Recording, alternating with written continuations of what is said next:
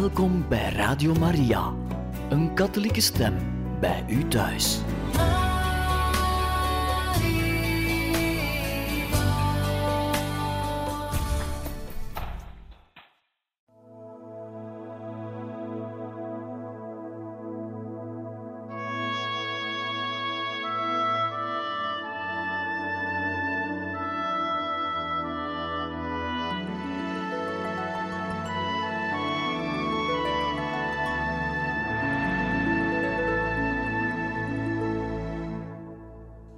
Beste luisteraars van Radio Maria, in dit programma lezen wij verder voor uit het boek Don Bosco van Teresio Bosco. En we zijn gekomen bij hoofdstuk 40, een nieuw stadium voor de Salesianen. Bij het onderwerp Het Salesiaans College wordt geboren. Te beginnen met 1863, met de opening van het klein seminarie van Mirabello werd aan Don Bosco uit vele hoeken van Italië gevraagd, niet om er patronaten te stichten, maar om er colleges te openen. En Don Bosco ging daarop in, maar opende naast elk college ook een patronaat.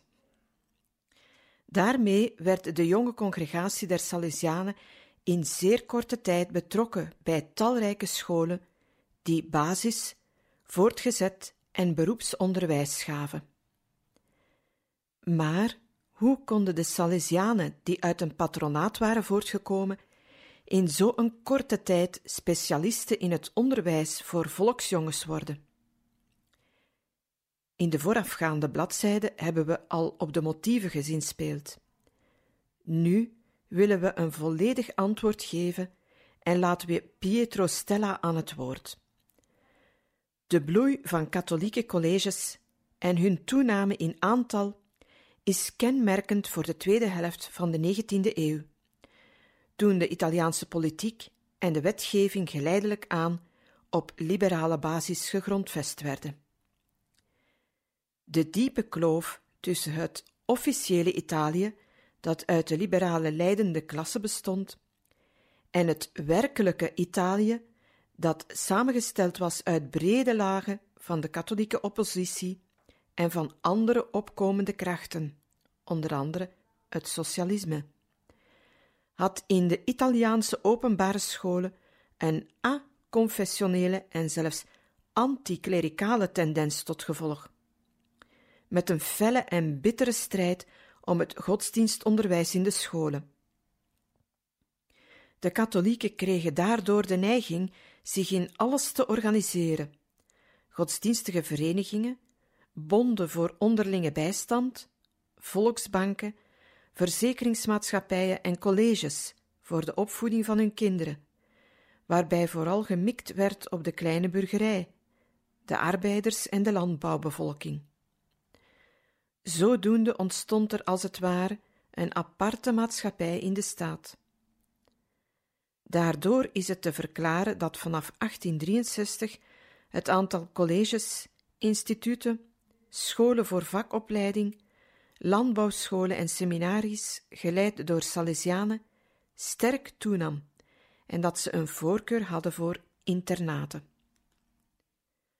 Het Salesiaans College droeg er het zijne toe bij dat de katholieke macht in Italië en in de wereld met grote groepen jongeren werd versterkt. Leid de arme jongens op. De huizen waarin vakleerlingen opgenomen werden, kregen de naam te huizen. Daarin werden alleen verwaarloosde en wezen opgenomen. Huizen voor studenten werden colleges genoemd. Maar ook die richtten zich beslist op arme jongens. Dat was en bleef de uitdrukkelijke wil van Don Bosco. Op de avond van 7 maart 1869 deelde hij bij zijn terugkeer uit Rome aan zijn Salesianen mee wat Pius IX hem had aanbevolen. Houd het maar bij de arme volkskinderen. Leid arme jongens op en sticht nooit colleges voor de rijken en de adel. houd het kostgeld laag. Verhoog dat nooit. En neem nooit het beheer over van de rijken te huizen. Als jullie de armen opleiden en als jullie zelf arm zijt, zal men jullie met rust laten en zullen jullie veel goed kunnen doen. De werkelijkheid beantwoordde aan die richtlijnen. En dat niet alleen in de eerste jaren. In 1875 kon Don Bosco schrijven: In Alassio, Varazze, San Pier d'Arena staat de rekening op nul. In 1898, tien jaar na de dood van Don Bosco, waren er in het instituut van Bologna, geleid door de oud-secretaris van Don Bosco, 181 interne jongens. De wezen, gratis opgenomen, waren er 49 in aantal. Slechts 33 jongens betaalden het volledige kostgeld van 25 lieren per maand. Alle anderen, en dat waren er 99, droegen een bedrag bij dat nooit hoger kwam dan de helft van de totale prijs. Jaarlijks kwam er 23.000 lieren binnen, maar gingen er 46.000 de deur uit. Een gezond debet derhalve van 100 procent. De eerste vijf colleges. In 1864 werd het college van Lanzo geopend. Don Bosco stuurde er Don Rufino, die 24 jaar was, als directeur heen, samen met zeven priesterstudenten. In de eerste maanden was armoede troef. Een kale ruimte en half afgebrokkelde buitenmuren schreef de priesterstudent Sala, die later algemeen econoom van de congregatie is geworden. Er waren stoelen, nog tafels. Givone bereidde het eten en wij aten het op een door twee schragen gestutte deur op. De ramen zonder ruiten werden dichtgestopt met handdoeken en dekens. En we sliepen op stro.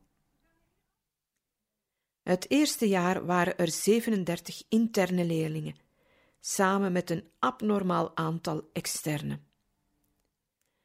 In maart werd de priesterstudent Provera door ziekte, verergerd door oververmoeidheid, tot volledige rust gedwongen.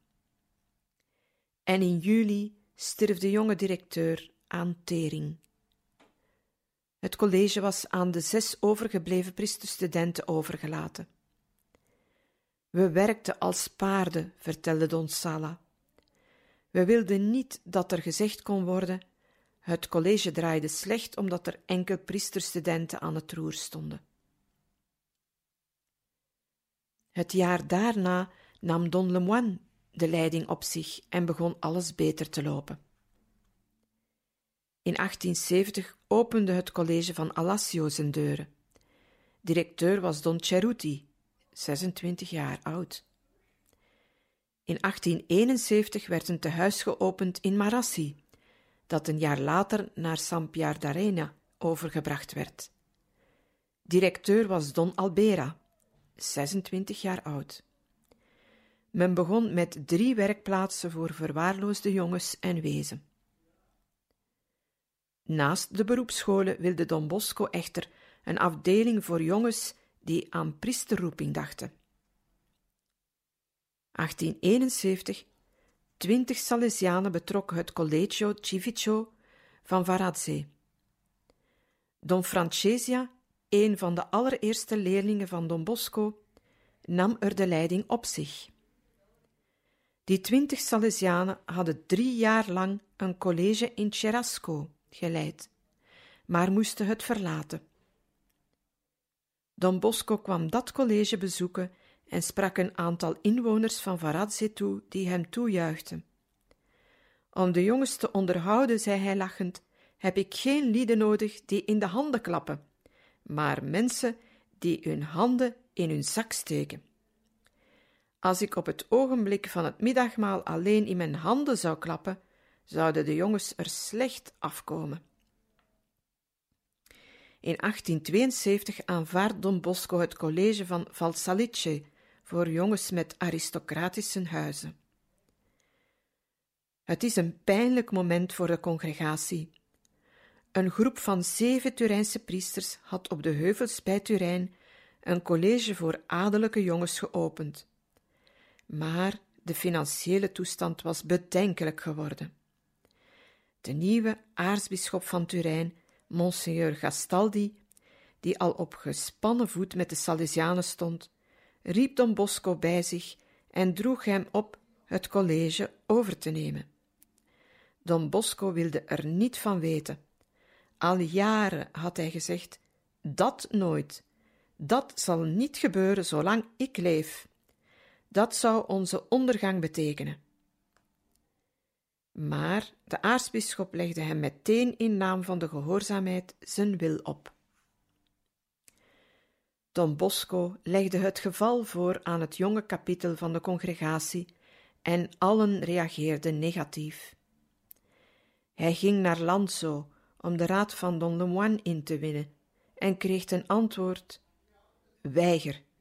Hebt u ons niet steeds weer gezegd dat ten eerste colleges voor de adel aanvaarden een verval van onze congregatie zou betekenen, en ten tweede dat wij altijd aan de kant van de arme volksjongens moeten staan. Uiteindelijk, om een conflict met de kerkelijke gezagsdrager te vermijden, aanvaardt Don Bosco het toch met veel tegenzin. Vijf jaar lang was dat college een blok aan het been van de congregatie. Weinig leerlingen, veel kosten. Het patronaat van Valdocco moet met forse sommen over de brug komen. En Don Bosco riep bitter uit: De armen moeten zorgen voor de rijken. In 1887 werd Don Bosco eindelijk eigenaar van het huis en betaalde er een reusachtig bedrag voor, 130.000 lieren. Het college werd opgeheven en het werd nu studiehuis voor de Salesiaanse priesterstudenten. Een groot bord bij de ingangsdeur duidde de nieuwe bestemming aan: Seminarie voor de buitenlandse missies. Het gewetensprobleem van Valsalice was na vijftien jaar pas opgelost. We onderbreken nu voor wat muziek.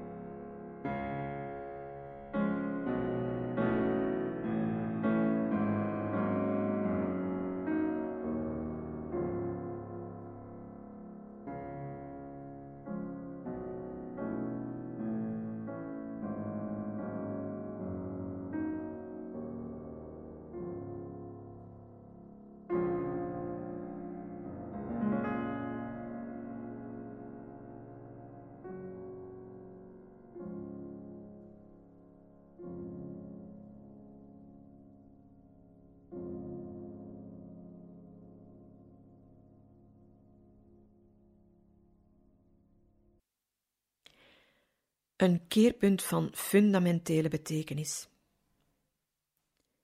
Hiermee houden we op met de lijst van nieuwe stichtingen. Bij de dood van Don Bosco in 1888 hebben de Salesianen 64 huizen in zes landen. Het aantal Salesianen is 768. Tot besluit nog het volgende.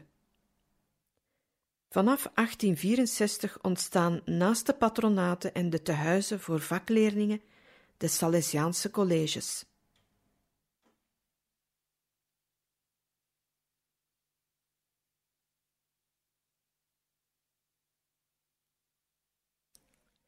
Het zondagspatronaat en dagelijks, waar dat mogelijk is, blijft het eerste werk van de congregatie. Dat staat in de regel van de Salesianen en dat is ook zo in werkelijkheid. Bij de nieuwe grote stichtingen in Italië en ook bij die in de volkswijgen van Argentinië, Spanje en Brazilië herleeft het heerlijke gewoel van het patronaat van Valdocco. De opvolgers van Don Bosco zouden er blijven hameren. Bij elk Salesiaans huis hoort een patronaat. Doch vanaf 1864 had Don Bosco een nieuwe behoefte van de volksjongens opgemerkt. Scholen van hoger niveau die degelijk en christelijk onderricht verstrekten. Dat betekende een keerpunt voor zijn congregatie. Van de woelige patronaten verhuist een steeds toenemend aantal Salesianen naar de ordelijke klasse van de colleges. Don Bosco heeft niet geaarzeld dit keerpunt te aanvaarden, en hij heeft daarmee, naar onze mening, een fundamenteel principe voor zijn congregatie vastgelegd. Het onveranderlijke basiselement van de Salesiaanse taak is de arme jeugd, de volkskinderen. Aan hen zullen zijn Salesianen hun werk moeten aanpassen en ze zullen aan de tekenen en de eisen van de tijd snel en moedig moeten beantwoorden. In één woord, niet de arme jeugd zal zich aan de Salesianen en aan hun werk moeten aanpassen, maar de Salesianen en hun werk zullen zich moeten aanpassen aan de eisen van de volksjeugd. Hoofdstuk 41 Mornese zoals Valdocco.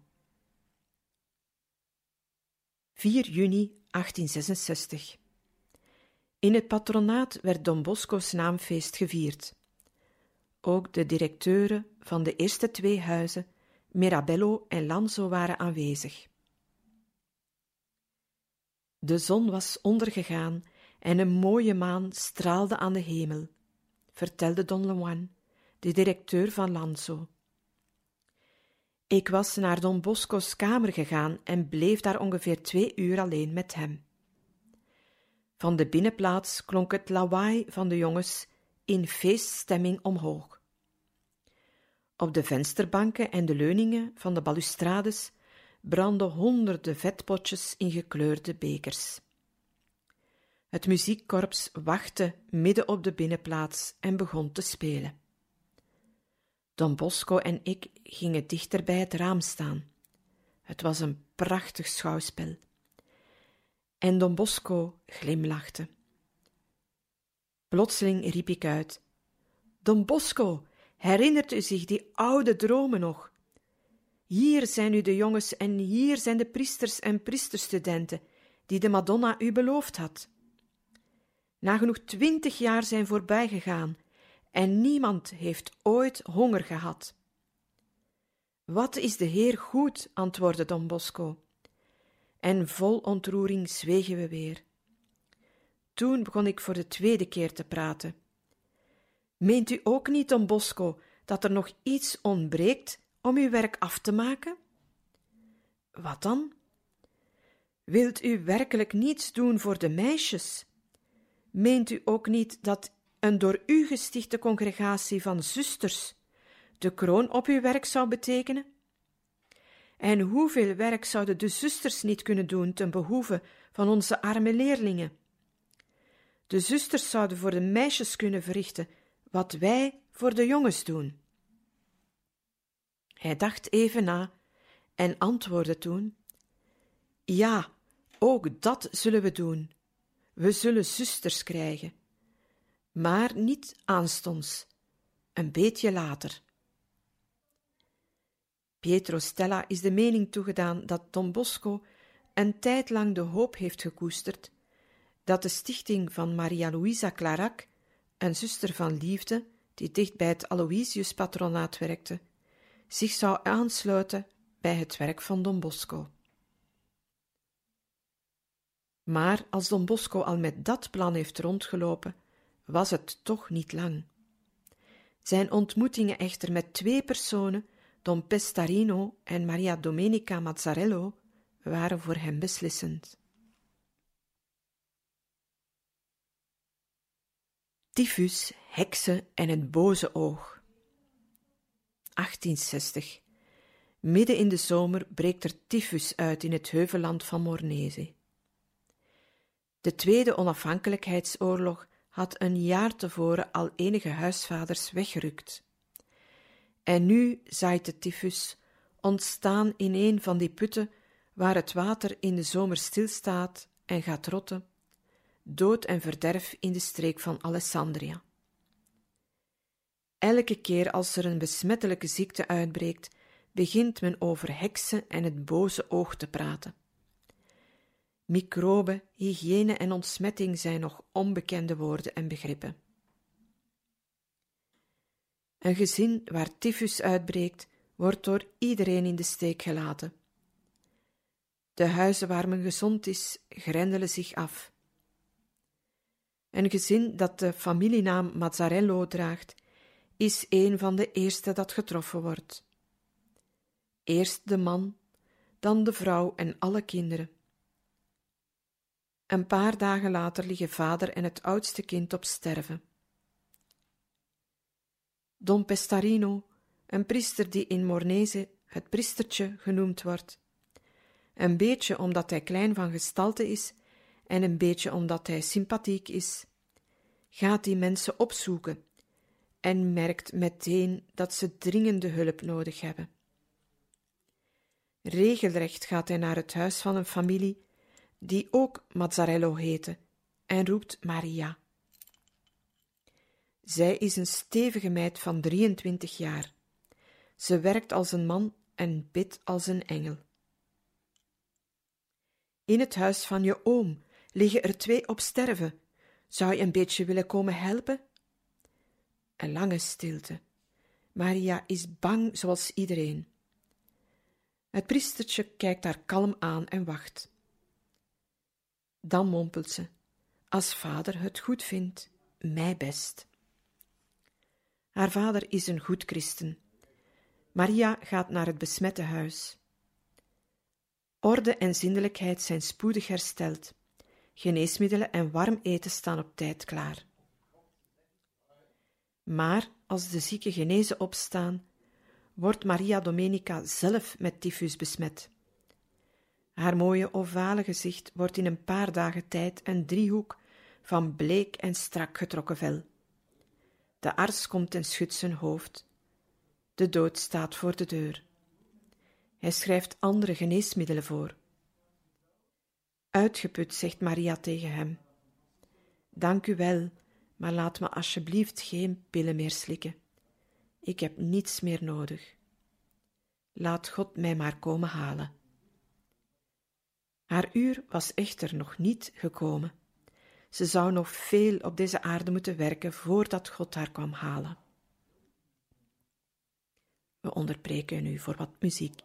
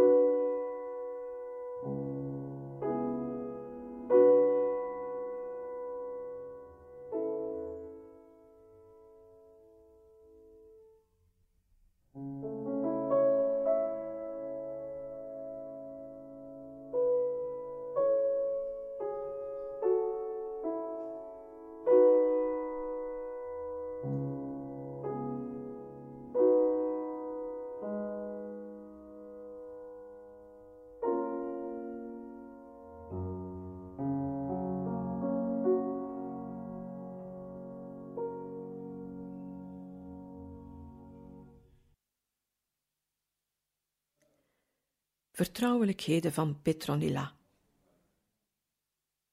Zonder pillen voelde Maria zich onverwachts van koorts bevrijd. Op haar wangen keerde de gezonde blos terug. Toch bleef zij een loomheid, een vage zwakte in haar leden voelen.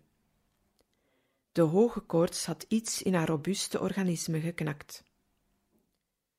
Wat zou ze nu doen? Er waren jongens genoeg die met haar wilden trouwen.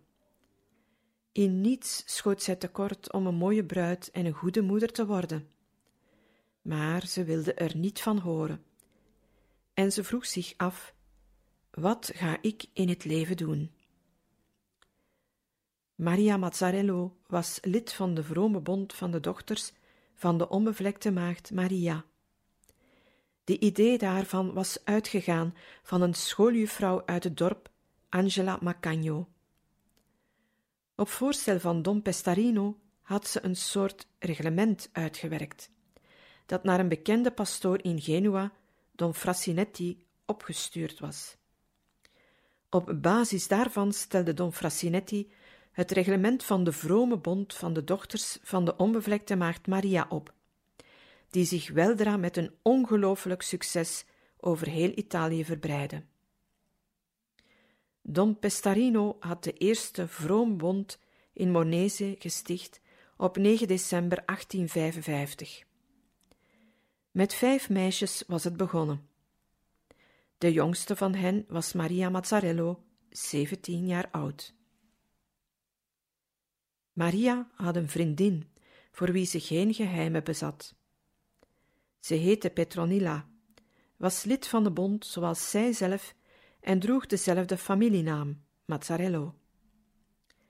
Op een dag in 1861 zei Maria tegen haar: Ik moet beslist naaister worden, en als ik dat vak goed onder de knie heb, open ik een kleine werkplaats en leer ik de arme meisjes naaien. Zou jij er ook iets voor voelen naaister te worden? Dan blijven we samen en leven als in één gezin.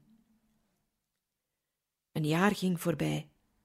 Maria en Petronilla hebben een klein naaiatelier ingericht aan de rand van het dorp. Een tiental jonge meisjes komen er leren naaien. Maar toen gebeurde er iets dat alles overhoop gooide. Vier angstige ogen. Winter 1863. De meisjes zijn net naar huis gegaan, op klompen en met paraplu's tegen de sneeuw, als Maria en Petronilla op de deur horen kloppen. Voor hen staat een venter die weduwnaar was geworden en twee kleine meisjes heeft. Hij vraagt hun of zij die twee kleintjes zouden willen opnemen. Niet alleen overdag, maar ook s'nachts want hij kan niet altijd thuis blijven om voor hen te zorgen. En daar staan de kindertjes, vier verschrikte ogen. Het oudste is acht jaar, het jongste zes. Petronilla pakt er één bij de hand en Maria neemt de kleinste op haar arm. Dan steken ze in de haard een groot vuur aan. En zo werd het kleine naaiatelier zonder enig vooropgesteld plan die avond een huisje voor arme kindertjes. Maria en Petronilla gaan bij de buren aankloppen, slagen er spoedig in twee bedjes te lenen en een beetje meel om polenta te maken. Nauwelijks heeft in Morese het gerucht de ronde gedaan dat de Mazzarello's weeskinder in huis opnemen of velen komen aandragen met een bundel brandhout, een paar dekens of een halve zak meel. Maar ze brengen ook andere kindertjes die een onderkomen nodig hebben. In korte tijd zijn er al zeven kleine meisjes. Voordat de meisjes in het atelier beginnen te werken, merkt Maria op. Een uur minder in deze wereld is een uur dichter bij het paradijs en ze staat erop dat haar naaistertjes voor de Heer werken. Elke steek is een daad van liefde tot God. Ook zondags wil Maria iets doen voor de meisjes van het dorp. Zo ontstaat een soort patronaat. Op zon- en feestdagen verzamelen de twee vriendinnen de meisjes, vergezellen ze naar de kerk en leren ze met spelen en wandelingen opgeruimd door het leven te gaan. Een priestertje dat werk zoekt. Don Domenico Pestarino was geboren in Mornese en was op zijn 22e in het seminarie van Genua tot priester gewijd. Enkele jaren was hij in het seminarie zelf blijven werken. Maar toen hij dertig was, keerde hij naar zijn dorp terug, omdat de bejaarde pastoor zijn hulp inriep. Hij stelde zich op de kansel aan zijn dorpsgenoten voor met deze woorden: Ik zoek werk, niet in jullie wijngaarden, maar hier in de kerk, in de wijngaard van de Heer. Allerlei banen werden mij aangeboden, maar ik zal hier in jullie midden blijven, als jullie mij het werk geven dat ik zoek. Hij ontmoette Don Bosco voor de eerste keer in Genua, in het huis van Don Frassinetti. De beslissende ontmoeting vond echter in de trein plaats, toen ze samen van Acqui naar Alessandria reisden. Don Bosco nodigde hem uit eens op bezoek te komen in het patronaat van Valdocco. En enkele maanden later ging Don Pestarino erheen. De aanblik van zoveel jongens die in blijheid opgroeiden in een school vol werk en geloof, maakte het priestertje enthousiast. En hij zei tegen Don Bosco: Neem me bij je op. Don Bosco stemde ermee in dat hij Salesiaan werd. Don Pestarino zou het jaar daarop inderdaad de kloostergelofte afleggen. Doch hij stond erop dat hij in Mornese bleef, omdat hij daar te veel nodig was. Maar in elk geval werkte hij met Don Bosco samen en stond onder hem. Van toen af was Don Pestarino aanwezig bij de vergaderingen van de Salesiaanse directeuren. In Mornese was er intussen weer wat nieuws. Twee andere dochters van de onbevlekte maagd Maria vroegen Maria en Petronilla net te mogen doen als zij. Ze legde de vraag aan Don Pestarina voor en die antwoordde: Waarom niet? Met z'n tweeën hebben jullie al zoveel te doen dat jullie het niet langer kunnen rooien. Zodoende ontstond er een soort gemeenschap. De vier dochters, zoals ze in het dorp genoemd werden, leerden de meisjes naaien en speelden moeder voor de zeven kleintjes die dag en nacht bij hen bleven. Zoals we in hoofdstuk 37 hebben verteld, kwam Don Bosco in 1864 met zijn jongens op hun herfstwandelingen ook in Mornese. Hij bleef er vijf dagen. Maria Mazzarello was erbij toen hij zijn conferentie tot de dochters van de onbevlekte maagd Maria hield, en zij slaagde er elke avond in, naar het avondwoordje dat hij zijn jongens meegaf, te luisteren.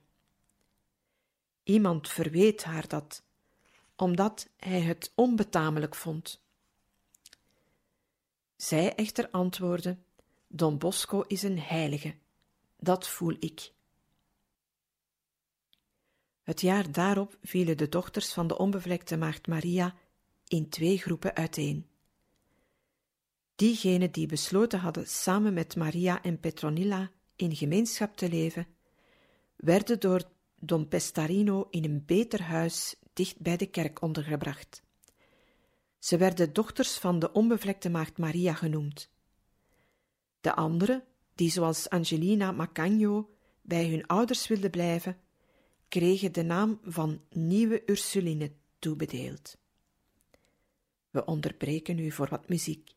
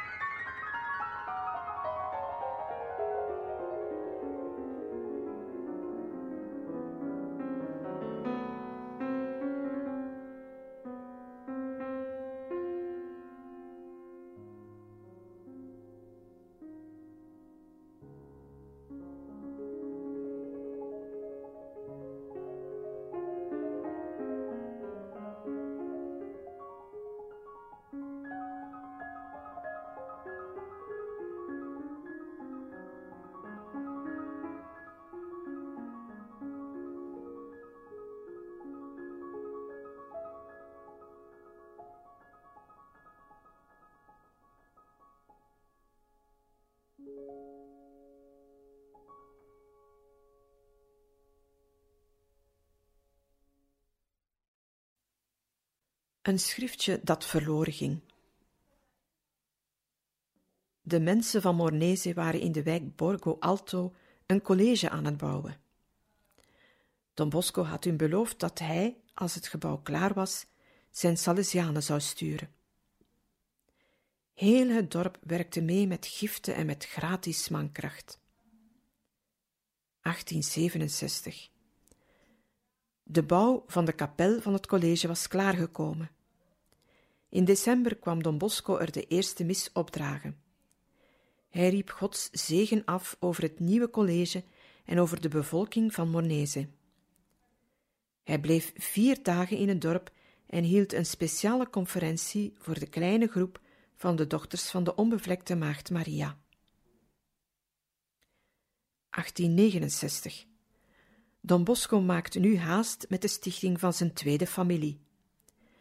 Voortaan houdt hij het oog gericht op de eenvoudige dochters van Mornese en zonder veel omhaal stuurt hij Maria en Petronilla een schriftje, met eigen hand geschreven, dat een dagindeling en een klein reglement bevat, opdat ze samen met hun meisjes een regelmatiger leven zouden kunnen leiden. Dit schriftje is verloren gegaan, maar zuster Petronilla herinnerde zich dat er de volgende raadgevingen in stonden. Er streven geregeld in Gods tegenwoordigheid te leven, veelvuldig schietgebedjes doen, zich geduldig en beminnelijk gedragen, zorgvuldig waken over de meisjes, ze steeds bezighouden en ze opvoeden tot een godvruchtig, eenvoudig, zuiver en spontaan leven. 1870 Don Bosco gaat drie dagen naar Mornese om een beetje op adem te komen, maar tevens om het leven van de dochters van dichterbij gade te slaan. Hij wil weten of het schriftje invloed op hun leven heeft gehad. Hij is er erg tevreden over. 1871. Op 30 januari werd in het patronaat een vergadering van de directeuren gehouden. Ook Don Pestarino neemt eraan deel en brengt verslag uit over de gang van zaken in Mornese. 24 april 1871. Don Bosco zit een vergadering voor van het kapittel van de congregatie. Daarbij zijn aanwezig Don Rua, Don Cagliero, Don Savio, Don Givarello, Don Durando, Don Albera. Hij heeft hen bijeengeroepen voor een zaak van groot belang. Hier geven we zijn woorden weer zoals ze opgenomen zijn in het verslag. Velen hebben mij herhaaldelijk aangespoord ook voor de meisjes het beetje goed te doen dat wij met Gods genade doen voor de jongens. Als ik mijn persoonlijke neiging kon volgen, zou ik dat soort apostolaat niet op mij nemen. Ik vrees echter tegen een plan van de voorzienigheid in te gaan. Daarom vraag ik jullie er in het aanschijn van de Heer over na te denken, om een beslissing te kunnen nemen die bijdraagt tot Gods meerdere glorie en tot groter heil van de zielen. In deze maand zullen onze gebeden erop gericht zijn om van de Heer het nodige inzicht te krijgen in deze belangrijke zaak. toen het meel voor de polenta ontbrak. Felicina Mazzarello, de zuster van Maria, herinnerde zich het leven van die eerste tijden met de volgende woorden. Vaak ontbrak in de kleine gemeenschap het hoogst noodzakelijke, zelfs meel om polenta te maken. En als er meel was, ontbrak er hout om het te koken. Dan trok Maria er met een van de dochters op uit, liep het bos in om droog hout te sprokkelen, en met het brandhout op hun rug keerde ze naar huis terug om het eten klaar te maken. Als de polenta klaar was, bracht ze die naar de binnenplaats, zette de schaal op de grond en nodigde haar gezellinnen uit op het weelderige middagmaal. Borden en bestek waren er niet, maar wel eetlust en blijheid. Einde mei 1871 riep Don Bosco het kapittel opnieuw bijeen en vroeg iedereen zijn mening. Allen vonden het initiatief ten behoeve van de vrouwelijke jeugd uitstekend. Don Bosco besloot: Welnu, dan mogen wij aannemen dat het Gods wil is dat wij ons ook met de meisjes bezighouden. En om tot iets concreets te komen, stel ik voor dat het huis dat Don Pestarino in Mornese aan het afbouwen is, voor dit werk bestemd wordt.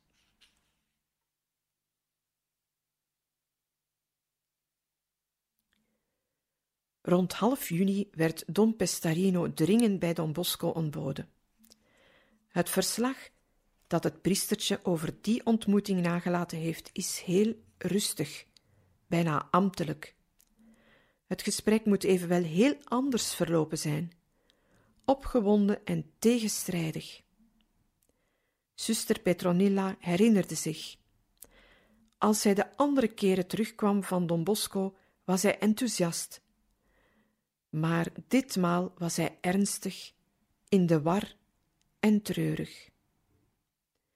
Don Bosco zette uiteen dat hij aan de christelijke opvoeding van de volksmeisjes wilde gaan werken. Zo luidt het verslag van Don Pestarino. En hij verklaarde dat hij Mornese de meest geschikte plaats daarvoor vond, omdat daar de dochters van de onbevlekte maagd Maria waren, en omdat men daar diegenen kon uitkiezen die geschikt waren om een gemeenschappelijk en uit de wereld teruggetrokken leven te leiden, en het instituut van de dochters van Maria, hulp der christenen, ten behoeve van veel volksmeisjes te stichten. Don Pestarino antwoordde zonder aarzelen. Dit is nog altijd zijn verslag. Als Don Bosco de leiding en de bescherming op zich neemt, ben ik in zijn handen. Op dat ogenblik stonden naast Maria en Petronilla ook Teresa Pampuro, Caterina Mazzarello, Felicina Mazzarello, Giovannina Ferrettino en de jonge meisjes Rosina Mazzarello Baroni, Maria Grosso en Corina Arigotti. De moeilijkheden die Don Pastarino bezorgd en in de war maakte, waren tweeledig. Ten eerste, die meisjes waren brave christenen, maar geen van hen had er ooit aan gedacht zuster te worden. Ten tweede, Don Bosco wilde het college van Borgo Alto tot zetel van de beginnende dochters van Maria hulp der christenen maken.